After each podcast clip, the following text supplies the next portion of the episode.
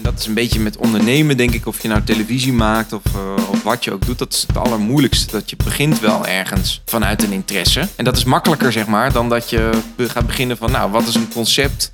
Nou, laat ik dat eens gaan doen, zeg maar. Het is heel moeilijk om dat dan authentiek te maken. En als je dan aan het ondernemen bent, zeg maar, is het weer moeilijk om ook bij die interesse te blijven. Want als je dan bezig bent, ja, dan is het heel verleidelijk om te denken, ja, maar dit werkt en dat werkt. En voor je het weet ben je allerlei dingen aan het doen waar je helemaal niks mee hebt. In 2018 kwamen de typische levensvragen van een millennial in mij naar boven. Waar krijg ik energie van in een baan? Wat is mijn definitie van succes? En hoe ga ik dit succes bereiken? Ik besloot mijn baan op te zeggen en op zoek te gaan naar antwoorden. In mijn zoektocht ging ik op koffiedates met mensen die succesvol zijn in hun vak. Ik wilde alles weten over hun mindset en over de lessen die zij leerden op weg naar de top. Deze gesprekken blijf ik voeren in de vorm van een maandelijkse podcast. Elke aflevering belicht ik het leerzame pad dat mijn gast bewandelt. Mijn naam is Floris Benschop en je luistert naar De Lessen van.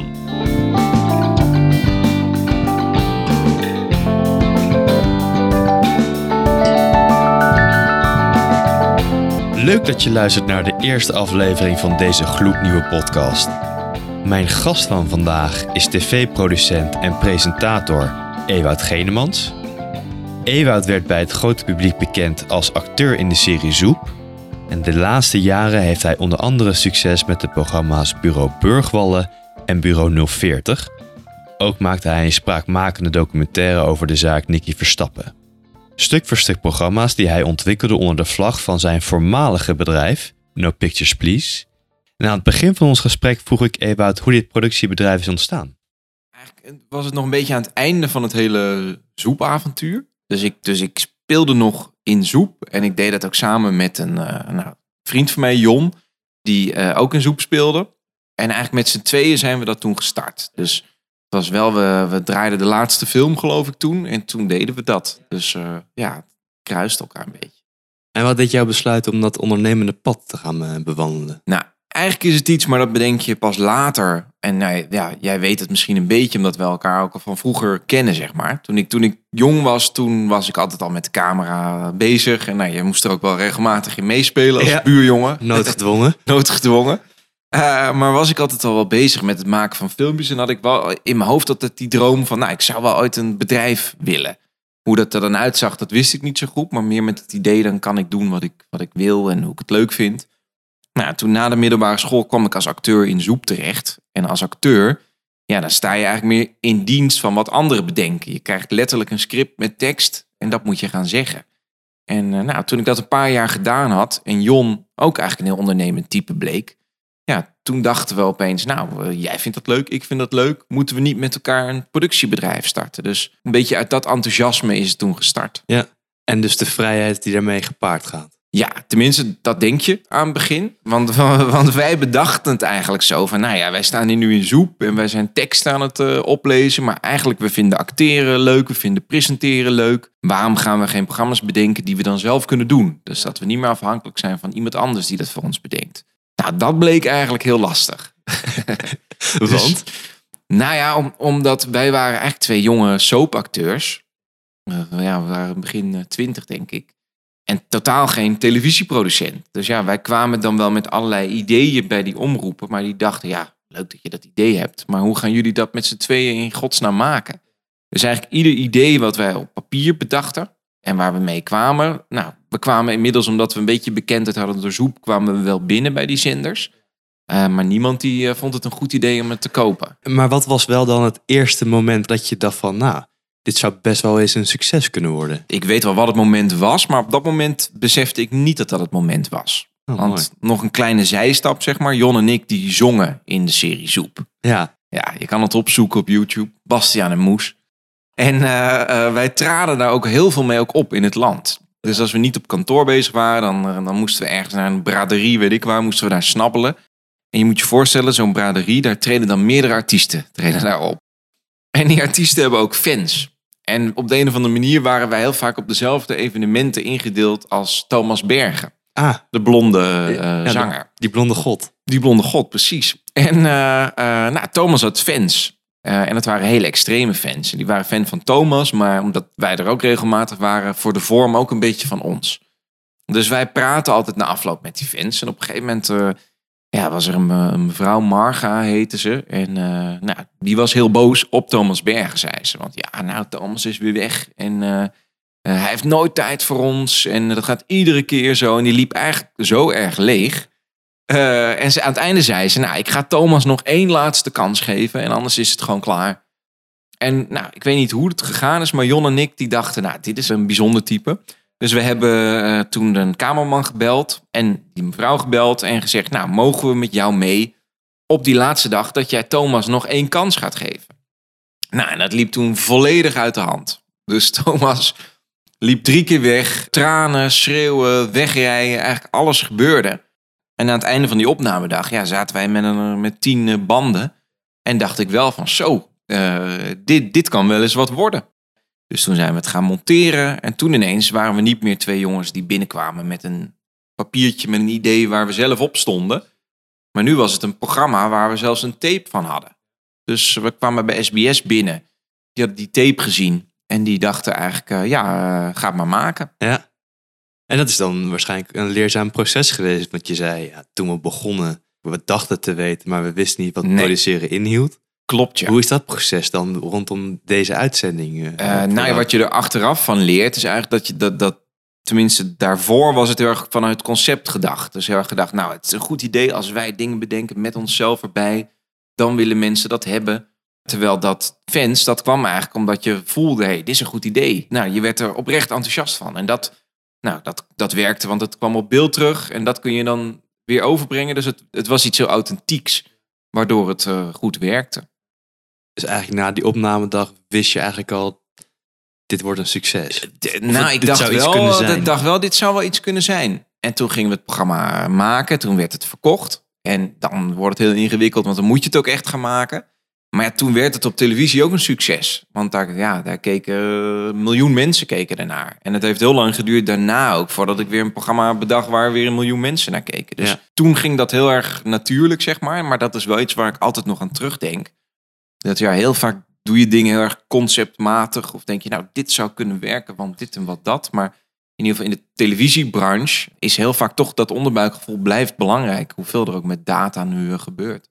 Terugkijkend op die periode toen je nog ondernemer was. Ja, Wat is de grootste tegenslag geweest die je in die periode hebt gekend? eh, dus eigenlijk tegenslag na tegenslag. Omdat het is, dat is altijd met ondernemen eigenlijk dat je eh, vooral bezig bent met wat er niet goed gaat. Dus ik kan er niet één puntje uitnoemen. Ik, ik heb er wel een paar, zeg maar. Je, je, je moet steeds weer de volgende stap maken. Dus, dus je begint klein, dan word je een stukje groter, dan word je weer een stukje groter. En dat, iedere keer die volgende stap maken, dat is heel erg moeilijk. Want op een gegeven moment dan werkt wat je aan het doen bent, maar ja, dan moet je als on- ondernemer moet je eigenlijk alweer met die volgende stap bezig zijn. Terwijl die eerste stap moet ook nog steeds goed gaan, zeg maar. Dus dat is iedere keer wel een gevecht eh, geweest. En wat zijn dan de dingen die dan niet goed gaan? Ja, dat is dat dan programma's niet verkocht worden, of dat het niet scoort, of dat er in de pers negatief wordt gesproken. Of... Ja, en zo heb ik eigenlijk zo die hele rollercoaster wel een paar keer eh, meegemaakt. Want is er een, een serie of een, een product waarvan jij zelf hele hoge verwachtingen had, wat je aan de straatsteden niet kwijt kon? Ja, er zijn er nog steeds meerdere. Dus ik heb zo'n mapje op mijn laptop, zeg maar. En, eh, en er staan allerlei ideeën op waar ik zelf nog steeds van denk, ja, dat is een goed idee. En die zijn er nooit gekomen. Maar wat ik ook wel heb geleerd, zeg maar, is dat, dat met die echt goede ideeën, uiteindelijk komt het er wel op een bepaalde manier. Aan het begin ben je heel erg van, nou, ik presenteer het, eh, iemand wil het niet. Dan denk je, nou, oké, klaar. Maar dan na een jaar of soms na twee jaar, nou, dan ging ik weer eens door die map en dan dacht ik, oh, nou, grappig als we dit nou met die presentator doen, of we doen dit zo dan zou het zomaar eens eh, wel kunnen werken. En nou, het zijn echt wel eens dingen geweest die ik later daardoor toch alsnog verkocht heb. Oh ja? Kun je daar Ja. een voorbeeld van geven? Eh, ja, bijvoorbeeld Echte Penose, wat ik gemaakt heb. Dat was een programma waarin ik dan eh, criminelen interviewde. Ja, dat, dat, daar waren mensen eerst steeds helemaal niet in geïnteresseerd. Of het paste net niet bij die zender op dat moment. En op een gegeven moment was er wel het juiste moment. En eh, toen is het ook verkocht. En wat verklaren we dan in dit geval dat het op moment A niet lukte en moment B wel? toen eigenlijk en dat ik zelf veranderde. Ja, je wordt zelf wat ouder, dus het wordt ineens geloofwaardig dat jij met zo'n bepaald programma komt, bijvoorbeeld. Ik kan nu dingen maken die ik vijf jaar geleden niet kon maken. Maar ook de markt die verandert. Want te- zeker de televisiewereld is ook heel erg van, nou, als dit werkt, dan willen we nu ineens allemaal spelshows. Of was, zoals nu is een beetje de trend dat vrolijke dingen werken. Dus alles op televisie moet ineens vrolijk en met quizzen en met zingen en met... eh, dus dat is het ook wel eens. Dat, dat op een bepaald moment is iets een trend en dan kan iets er opeens wel in passen. Dus eigenlijk is een, is een concept of een idee wat je hebt, daar zit niet een houdbaarheidsdatum op. Die kan je na zoveel jaar weer Ja, plank trekken. Misschien nou met de, goede, met, met de goede dingen wel, heb ik gemerkt. Dus het is met de dingen die, die de vluchtige dingen zeg maar niet. Dus soms kan je ook in het geval van een programma iets verkopen omdat, weet ik veel, er is net een boek uitgekomen en dat is hot. En dan ben je de eerste die met die schrijver praat en dan, dan weet je te verkopen. Maar vaak zijn dat niet de dingen die ook jaren lopen. En eigenlijk de dingen die echt goed zijn, daar, ja, die zijn niet alleen maar afhankelijk van de tijdsgeest op dat moment. En, het, en dat zijn dingen die, ja, die misschien wel jaren kunnen werken. En dat daarom ook soms wel eens jaren kan duren voordat je het voor elkaar krijgt. Dus een, soms is het een proces van de lange adem. Zeker, ja, ja, dat hoort er wel een beetje bij, ja. En je vertelde aan het begin dat je No Pictures Please hebt opgericht met jouw vriend Jon. Ja. Jullie zijn eh, uiteindelijk uit elkaar gegaan. Wat is daar gebeurd?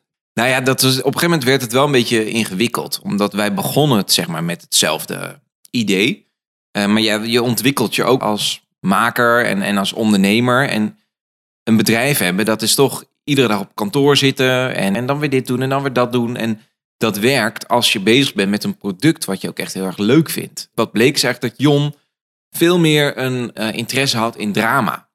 Dus speelfilms of series. En dan eh, niet zozeer als producent in eerste instantie, maar ook als regisseur. Dus ja, Jon zijn ambitie daarin groeide, terwijl het bedrijf ook groeide. En, en ja, dat bleek op een gegeven moment lastig te combineren. Dus we hebben toen heel veel gesprekken over gehad. En, en hoe gaan we dat dan doen? Of wat als jij eens dit oppakt? Of wat als jij eens dat oppakt?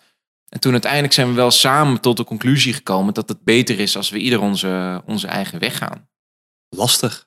Ja, dat is wel lastig. Met fans hadden jullie onder andere eigenlijk vanaf het begin al gelijk succes. Ja, Ook klopt. lastig om als de wegen gaan scheiden op het moment dat je best wel goed gaat. Ja, nee, dat, dat is ook lastig. En ook als je ook nog eens bevriend bent, is het ook lastig. Dat gaat niet leuk, ook zoiets. Dat gaat altijd met een beetje gedoe. En eh, jij wil dit en jij wil dat. En het is dan niet dat je dan daarna denkt, nou, we gaan leuk een biertje drinken. Dus dat, nee, dat is geen, geen leuk traject. Maar ik ben wel blij, zeg maar, dat we op dat moment al eerlijk naar elkaar zijn geweest. Want je ziet nu ook Jon. Ja, die heeft zich ook ontplooid tot een eh, heel goede regisseur nu. Die heel veel mooie dingen maakt. En eh, dat ook helemaal op eigen kracht heeft gedaan. Dus jullie hebben er beide zeg maar van geleerd en eigenlijk dus ook al profiteerd. Ja, uiteindelijk denk ik wel. Want ik denk wat, waar No Pictures Please naartoe ging, zeg maar. Zo heet het bedrijf, zeg maar. We realities programma, programma's produceren, documentaires. En dat was niet waar Jon zijn in passie naartoe ging. Nee. Nee. Oké. Waar ik ook naar eh, benieuwd naar ben. Wat is nou de, een, een product waar jij nou het meeste trots op bent? Ehm, nou, dat, dat, is, dat is denk ik wel, dat, dat is ook een beetje een recent project. Maar dat, nou, het zijn er eigenlijk twee die ik kan noemen. Dus eentje is die ik echt zelf gemaakt heb. En met maken bedoel ik dan dat ik bij elke draaidag er zelf bij was. En eentje is een productie die een team van ons al heel lang heel goed maakt. Maar waar ik wel, ja, dat is bijvoorbeeld een project waar ik nou, anderhalf jaar denk ik mee bezig ben geweest om dat te kunnen verkopen. En dat heeft bij allerlei zenders gelegen. En dat is gelukt en loopt nu nog steeds. Dat is Dream School. Dat nou, maken we voor NPO 3. Eigenlijk heel erg in het korte groepje jongeren die vastlopen. Die krijgen les van de top van Nederland. Dus ministers, sporters, acteurs. eh, om ze eigenlijk in drie weken weer een beetje te inspireren. En het grappige is dat het programma vinden en jongeren heel erg leuk. Want ja, er zit ook een hoop ruzie en gedoe in. Maar volwassenen vinden het ook leuk. Omdat het ook heel erg ongemakkelijk is om een minister ineens voor zo'n klas van die gasten te zien staan. Ja, daar ben ik wel trots op, omdat dat, dat is een format wat we uit Engeland eh, hebben gehaald. Eh, daar deed Jamie Oliver deed dat. En daar was het eigenlijk niet zo'n super succes. Daar heeft het één seizoen gelopen. Eh, maar ja, we hebben dat verkocht in Nederland. En we gaan nu al het zesde seizoen daarvan draaien. En die scores worden alleen maar hoger en groter. Credits naar het team ook, die dat al eh, jaren zo maakt. Maar dat is wel een project waar ik ook trots op ben, omdat ik weet wat een moeite het is geweest om het voor elkaar te krijgen. Door die lange aanloop en dat het nu zo'n succes is, dat maakt dat je daar trots op bent. Ja, klopt ja. En omdat dat het fijn is dat je dan toch denkt, nou ik heb het wel goed gezien. Dat ik eh, dacht van ja, volgens mij deze ingrediënten zou, zouden moeten werken. En dat dat dan ook, eh, ja dan moet het ook goed gemaakt worden. Maar dat heeft ook wel gewerkt. Dus dat is wel, dat is leuk om te zien. En als je dat dan inderdaad even afbelt, wat Ja. zijn dan de, de ingrediënten van dit programma dat het een, tot een succes maakt? Nou, ik, ik denk dat, je, dat het echt is. Dat is heel erg iets van nu. Mensen willen dingen zien die echt zi- zijn. En ja, wij zetten echt zo'n groep voor drie weken in die in die klas. We filmen 24 uur eh, door, bij wijze van spreken. En er is niks in scène gezet of gespeeld. En dat voel je heel erg als kijker. En ook dat dat eh, ergens naartoe werkt. Dus ja, je hoopt dat de jongeren in die drie weken iets leren. En, en dat er iets positiefs uitkomt. Dus je hebt als kijker heel erg iets van, nou, ik, ik leef mee met die en die vind ik vervelend. Dus het is een beetje een soap ook waar je naar zit te kijken. Je ontwikkelt een relatie met zo'n Ja, je bouwt een band kind. op. En, en dat is heel erg, eh, ja, dat is heel erg leuk, terwijl het om iets echts gaat ook. Je zei, ik ben eigenlijk op twee dingen heel Ja, erg het eh, tweede is, eh, is de zaak Nicky Verstappen. Dat was die docu-serie die ik gemaakt over het politieonderzoek. En nou ja, daar ben ik trots op. En omdat dat eh, een geheim project is geweest van jaren. Eh, en dat ook om een hele lange adem vroeg. Dus dat, dat, ja, dat was echt. En het voor elkaar krijgen, maar ook het hele traject daarna. En de familie. En Peter de Vries was erbij betrokken. Eh, dus het is dan wel nou ja, leuk dat het überhaupt gelukt is om het te mogen uitzenden en maken. Maar daar hebben ook veel mensen naar gekeken. Ja. Hoe is het dan om met Peter R. de Vries daarin samen op te trekken? Ja, dat was heel leuk. Peter, waar ik heel veel respect voor heb, die houdt er wel van om zich ergens voor in te zetten. Als je gewoon heel eerlijk, duidelijk bent, eh, ambitieus en ervoor gaat. En dat hadden we met dit project. Dus ja, ik heb hem er eigenlijk heel snel al bij betrokken. Van we gaan dit maken. Hoe, vind je dat? Zou je daarbij betrokken willen zijn? En dat zag hij wel zitten. En eh, nou, hij heeft ook die betrokkenheid eigenlijk de hele tijd heel erg eh, getoond. Want zelfs toen er een eh, rechtszaak was eh, van Jos B. eigenlijk om de uitzending te verbieden. Ja, toen zat hij er met zijn zoon. Oh ja? ja? dus dat was heel bijzonder om dat op die manier ja. te doen. Want dat, dat was op de dag van de uitzending zelf, ja, toch? ja, dat, was, dat klopt echt. Twee uur voor de uitzending wisten we dat we het echt mochten uitzenden. Ik weet ook welke rol Peter R. de Vries had in jouw jongere leven. Ja, Jij volgt dan achter de schermen het politieonderzoek. ja. Hou je dan ook een extra oogje in het cel wat Peter allemaal doet? Nou ja, dat doet Peter heel goed. Maar er is ook niemand zoals Peter, zeg maar. Die en zeg maar de politie scherp weet te houden. En ook het respect heeft van de politie. Dat hij ook nou ja, wordt meegenomen in bepaalde dingen. Omdat de politie weet van, nou, ik, als ik een afspraak met Peter maak, dan staat die afspraak. Dus we kunnen hem ook soms wel eens dingen vertellen die we nog niet aan de grote klok hangen. En, en aan de andere kant is hij ook voor zo'n familie eh, iemand die, waar die naar luistert en waar die ervoor is. En dat is, ja, dat is echt wel bijzonder, maar vraagt ook wel veel van hem, kan ik me voorstellen. Want eh, hij doet niks voor, eh, voor 50%, zeg maar. Hij heeft dan twee rollen, richting de familie dan, maar ook richting de politie. Ik kan me zo voorstellen dat hij door de jaren heen ook met, met de politie een relatie heeft opgebouwd. Volgens mij heb jij eigenlijk de laatste jaren dat precies hetzelfde gedaan. Ook met de andere programma's die je mag maken bij de politie. Dat klopt, ja. Ja, alleen het natuurlijk verschil. Peter is echt een misdaadjournalist. Die, ja, die echt op zoek ging ook naar misstanden en, eh, en de dingen ging oplossen. En wat mijn stijl een beetje is, is dat ik wil juist een wereld openen die we niet zo goed kennen. En juist door eigenlijk nou, het vertrouwen op te bouwen. En ook met een beetje bewondering naar te kijken. Want ja, ik vind wat de politie doet ook mooi en leuk. En vind ik zelf ook spannend, zeg maar. Eh, eh, lukt het om dan, dan binnen te mogen kijken. Dus dat is een beetje wat ik ja, de laatste jaren eh, ben gaan doen. En, en ook heel leuk vind om te doen. Hoe heb jij die relatie weten te ontwikkelen met de politie? Nou, het is ook wel weer grappig, want dat pakt hem weer een beetje terug op hoe we begonnen eh, met fans, zeg maar. Ook dit ontstond een beetje op dezelfde manier. Omdat ik, ik vond, ja, als, als ben je altijd bezig met onderwerp, wat vind ik interessant? En eigenlijk, wij maakten al met de politie het programma Misdaadcollege. Dat was voor NPO 1, dat presenteerde ik niet zelf, maar daar behandelden we grote zaken en die gingen we terugvertellen. Dus ik had daar goede contacten. Eh, en op een gegeven moment had ik gevraagd van... Goh, kan ik niet eens een dienst meedraaien in Amsterdam ergens? Dus ze zeiden dus van communicatie, ja, dat is goed. Gewoon meer omdat ik dat interessant vond. En toen mocht ik in Amsterdam, werd ik gekoppeld aan een politiebureau. Daar mocht ik meelopen. En toen ontmoette ik daar een agent waar het meteen heel goed mee klikte. En toen ben ik dat eigenlijk voor de lol eh, blijven doen. Dat vonden mensen in mijn omgeving eh, ronduit vreemd. Want er zat geen enkel doel eh, achter aan het begin. Maar op een gegeven moment, omdat ik er zo enthousiast over werd, werden die agenten er enthousiast over. En toen was het, ja, moeten we hier niet een programma van maken? Dus toen zei RTL, nee, ehm, dat kennen we wel eh, met de politie meelopen. Nou, dus toen zei ik, ja, maar mag ik dan niet een proefje opnemen? Want nu wil de politie, en dat is best wel bijzonder, want er is lang niet zo'n programma geweest. Dus nou, toen mocht ik een proefopname maken. Dus toen met mijn vaste cameraman Julian zijn we dat eh, gaan doen. En eh, nou, toen het proefje laten zien. En toen vonden ze het eigenlijk wel leuk. En toen dachten ze, nou ja, ga het maar maken. Eh, alleen gelukkig toen werd de serie nog leuker. En werd die uiteindelijk in plaats van RTL 5 naar RTL 4 gehaald. En nou, toen ging het balletje een beetje rollen. Maar het grappige is wat ik, ja, wat ik hier dus leuk aan vind. En eh, is dat ook bij dit. is het niet zo dat ik dacht, nou, wat zou nou eens werken? Dan doen we die bij die. Maar nee, ook omdat je zelf, nou, het vuurtje een beetje ervan gaat branden. Dat dat dan het uiteindelijk er komt en ook nog een, een succes wordt. Ja, dus je bleef dicht bij jezelf eigenlijk en ook bij je eigen interesse, waardoor je daar ook Ja. enthousiast over werd. Eigenlijk wel, ja.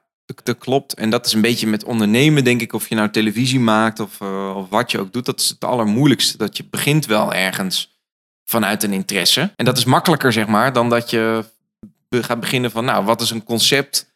Nou, laat ik dat eens gaan doen, zeg maar. Het is heel moeilijk om dat dan authentiek te maken. En als je dan aan het ondernemen bent, zeg maar, is het weer moeilijk om ook bij die interesse te blijven. Want als je dan bezig bent, ja, dan is het heel verleidelijk om te denken... Ja, maar dit werkt en dat werkt. En voor je het weet ben je allerlei dingen aan het doen waar je helemaal niks mee hebt. Ja, dus eigenlijk dicht bij jezelf, maar ook dicht bij je eigen visie blijven en die niet uit het oog verliezen, ook al heb je signalen dat Ja. misschien andere dingen ook werken. Dat klopt. En je kan wel dan andere dingen doen. Maar dan moet je ook zorgen dat je er dan mensen bij haalt die dan goed zijn in die andere dingen. En, en voor wie dat vuurtje daar weer bij gaat branden. Dus dan maak je je team gewoon wat groter, zodat je het alsnog kan aanpakken. Ja, want ik heb ook wel eens bij programma's gestaan, eh, bij een opname bij ons, dat ik, eh, dat ik echt geen idee had eh, wat ik aan kon toevoegen daar.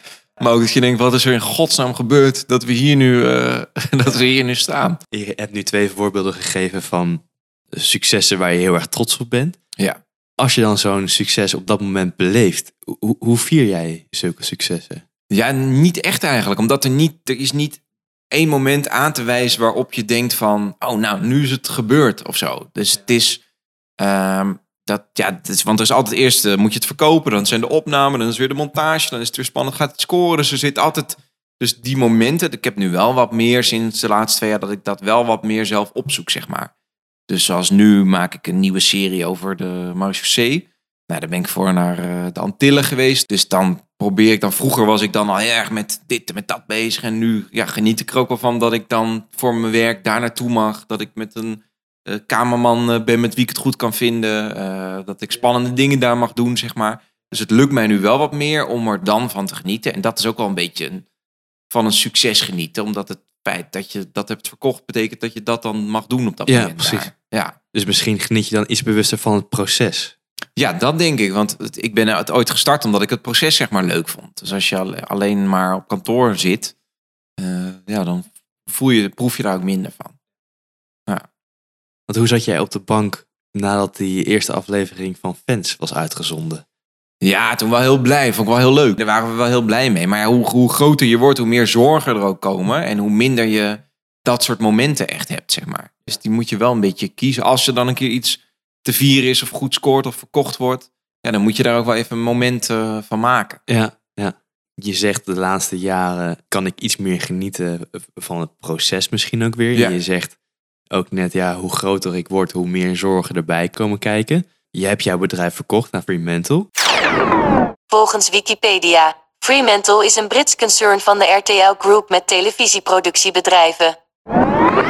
Nu ben je weer in loondienst. Merk jij een verschil qua beleving bij het maken van zulke programma's? Nu Ja, dat weer is- in loondienst Het is wel anders, ja. Dus ik, had er aan het begin ook wel moeite mee. Omdat je ineens, ja, je, je bent met een veel groter doel bezig. Terwijl eh, als je het bedrijf hebt, zeg maar, is het enige waar je mee bezig bent, is programma's verkopen. En dan weer de volgende. En, di- en dit en dat en dat. En nu, ja, nu moest ik dat wel veel meer gaan zoeken. Dus ik heb wel nu binnen, ehm, binnen Fremantle, zeg maar, daar hebben ze ook heel erg met mij over meegedacht. Van, ja, hoe gaan we jou nou een plek geven waar jij eh, fijn bij voelt? En waar jij dat ondernemende, letterlijk dat woord inderdaad, weer een beetje in gaat vinden. En dat hebben we op zich nu wel gevonden, doordat eh, ik natuurlijk en mijn eigen programma's bedenk en die produceren we ook eh, binnen Fremantle. Maar ook omdat ik eh, nu eigenlijk sinds januari me alleen maar op het VOD-stuk toeleg. En VOD is dus inderdaad eh, Disney Plus, Amazon, Netflix, Videoland in Nederland. En dat is een heel nieuwe markt. En dat is een heel nieuwe manier van pitchen, nieuwe manier van maken, nieuwe manier van nadenken. Dus daar zit dat ondernemende zit daar wel weer een beetje in, zeg maar. Maar het is wel op een andere manier dan dat je ja, ook een personeel aan je bureau hebt van eh, ja, wat, gaan we doen op mijn verjaardag volgende week. Dat miste ik ook wel hoor, want het is ook wel heel erg leuk om met zo'n club mensen dat te, doen.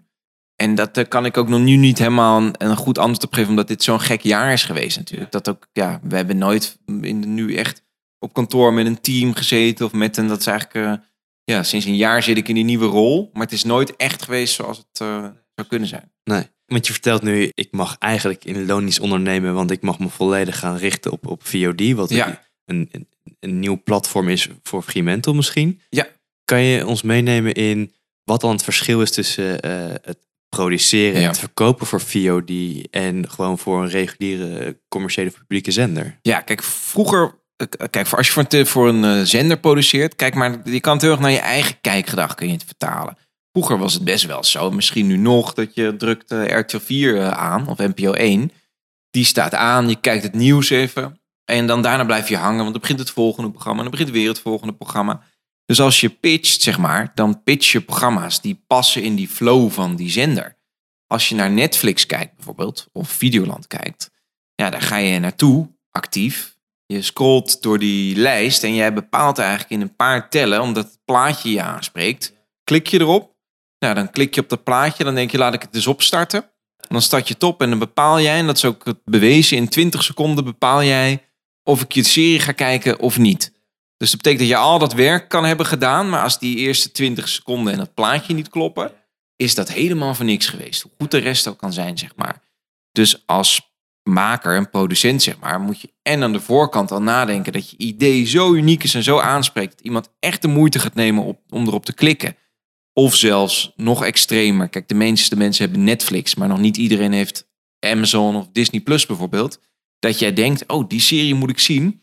Ik ga een abonnement nemen op, eh, op Amazon. Nou ja, dan moet je wel met heel wat komen, zeg maar, om dat voor elkaar te krijgen. Dus ja, zowel in het pitchen als in het maken eh, ligt de lat ligt veel hoger. Ja. De kijker heeft veel meer controle over hoe die content tot zich neemt. Ja. En die kan met hetzelfde gemak weer iets wegzetten Klopt. of aanzetten. En is het dus belangrijk dat je in die eerste 20 seconden Iemand die grijpt. ja, Ja. en niet meer loslaat. Ja, klopt ja. En, dat, en, en je ziet dat televisiezenders daardoor nu ook wat meer zo denken. Want ja, die concurreren op zo'n avond ook tegen al die platformen. Dus die, ja, die moeten er ook voor zorgen dat zij iets zo aansprekends hebben... dat jij naar RTL 4 gaat kijken en dat je niet Netflix opzet om half negen. Ja, precies. Het speelveld is door die VOD-platformen veel groter geworden. Ook voor de, de reguliere omroepen. Ja, klopt.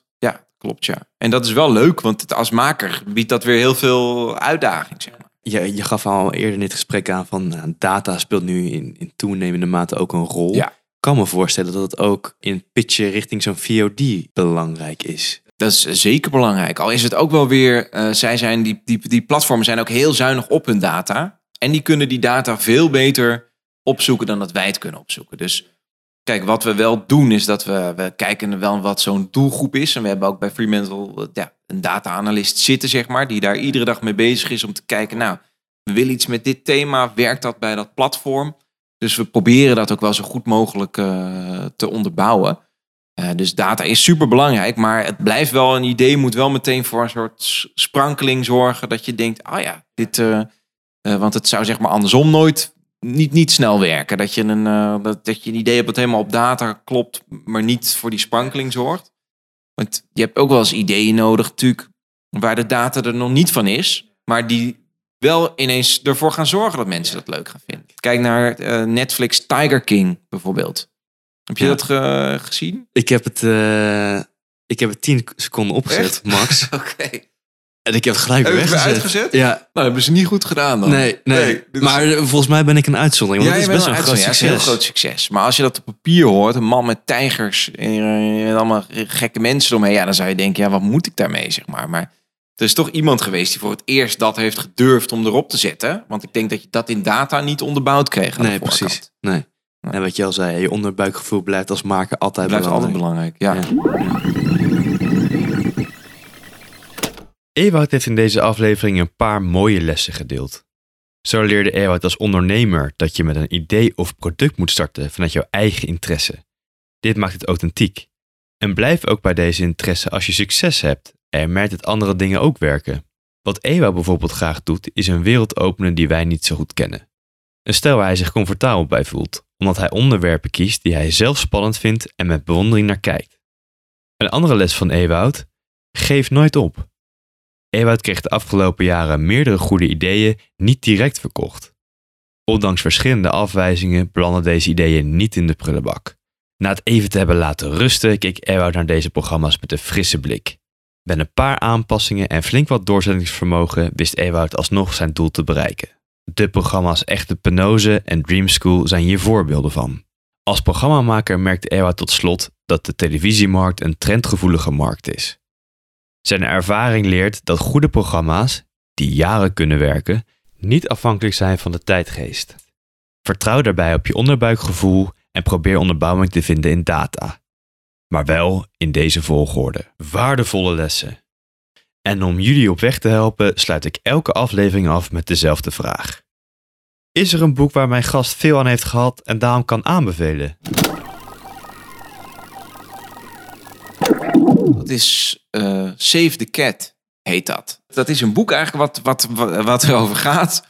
Hoe jij een uh, boodschap zo goed mogelijk vertelt. En dat is dan wel heel erg gebaseerd op speelfilms. Maar je kan het eigenlijk op ieder product kun je het loslaten. En het is best wel een oud boek. Um, maar het gaat eigenlijk puur over. Uh, en nou, dat, nu is dat niet meer in deze tijd zo. Maar bijvoorbeeld als jij. Stel, jij bent naar de film geweest. En jij moet mij vertellen waarom ik naar die film zou moeten gaan. Of als jij in, de, in de krant. Nou, internet, laten we het een beetje. leest naar welke film je gaat, zeg maar. Dan heb je één zin die je leest waarop je bepaalt of je naar die film gaat of niet. En daar gaat dat boek heel erg over, zeg maar, hoe nou ja, hoe breng je iets heel groots naar iets heel kleins, waar, waar jij in die paar seconden de beslissing van neemt, ik ga het doen of ik ga het niet doen. En dat, dat is heel, ja, ik vind dat heel leuk. En, en dat wat daarin staat, dat, nou, dat kan je op alles kun je dat eigenlijk steeds weer toepassen. Want dat is ook met, ja, zeker nu, met ieder product wat jij maakt, ja, je hebt echt, het is echt maar een paar tellen dat jij uh, bedenkt van, oh, dat vind ik interessant, wil ik meer van weten, of wil ik hebben, of wil ik. Uh, uh, en ja, of het nou een televisieserie is of een Netflix docu of een podcast. Po ja, of een podcast. Nou ja, dat, hetzelfde toch? Je hebt, het moet die ene zin, zeg maar. Er moet één zin zijn waardoor je, als ik je uitleg, waarom moet je naar die podcast luisteren? Nou ja, en dan moet jij getriggerd worden. Nou, ik ga mijn huiswerk dan maar even Ja, dat is goed. Ik zal ook eens over nadenken. Leuk dat je luistert naar deze eerste aflevering.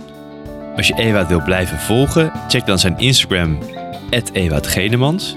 En als je toch bezig bent, check dan ook de Instagram-pagina de lessen van, of de LinkedIn-pagina, of de website www.delessenvan.nl. Hier vind je onder andere het boek dat Ewout aanbeveelt. Mijn volgende gast is founder en CEO van een van de snelst groeiende bedrijven van Nederland. Daarnaast bereikt deze topvrouw op de lijst van meest succesvolle vrouwelijke ondernemers. Wil je geen aflevering meer missen? Abonneer dan op deze podcast via jouw favoriete streamingdienst. Tot de volgende!